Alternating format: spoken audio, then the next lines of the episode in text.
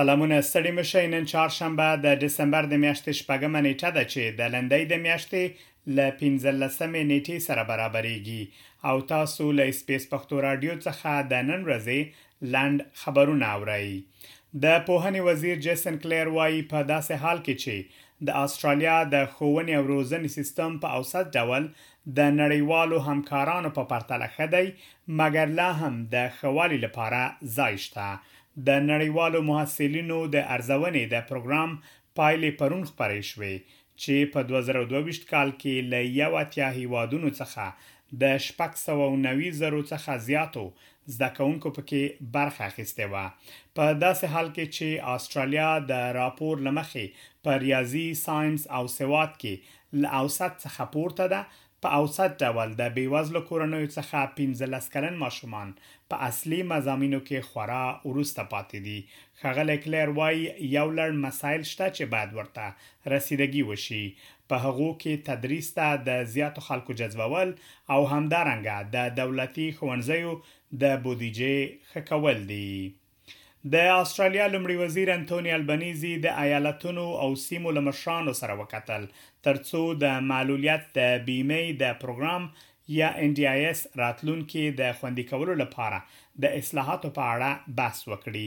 ملي کابینې ژمنه کړې چې د NDIS د لګښت د ساتلو په هڅه کې د ایالتي او سیمه ییزو حکومتونو د ونډې د زیاتوالي نرخونه تنظیم کړي دي، کوم چې په غیر دوامداره توګه څوارلس سلنه وده کوي.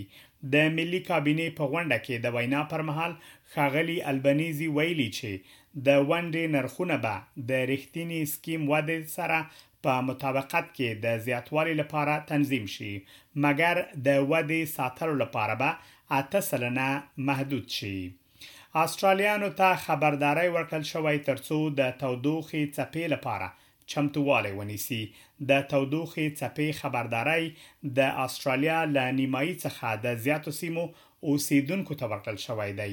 وړاندوینه شوې چې د روانې اونۍ تر جمعې پورې به د نیوساوت ویلز، کوینزلنډ، سویلي اسټرالیا، لویدیځه اسټرالیا، شمالي او مرکزي سیمو ځینې برخې د تودوخې څپه تجربه کړي. د نیو ساوت ویلز ایالت اوسېدونکو ته د تودوخې د څپې خبرداری له نن یعنې چهارشنبې څخه د درېیو ورځو لپاره صادر شوی دی. یو کاري ځواک به رامنځته شي ترڅو دا معلومه کړي چې ناروغان څومره وخت د نیو ساوت ویلز ایالت په اضطراري څانګو کې پاملرنې ته انتظار باسي.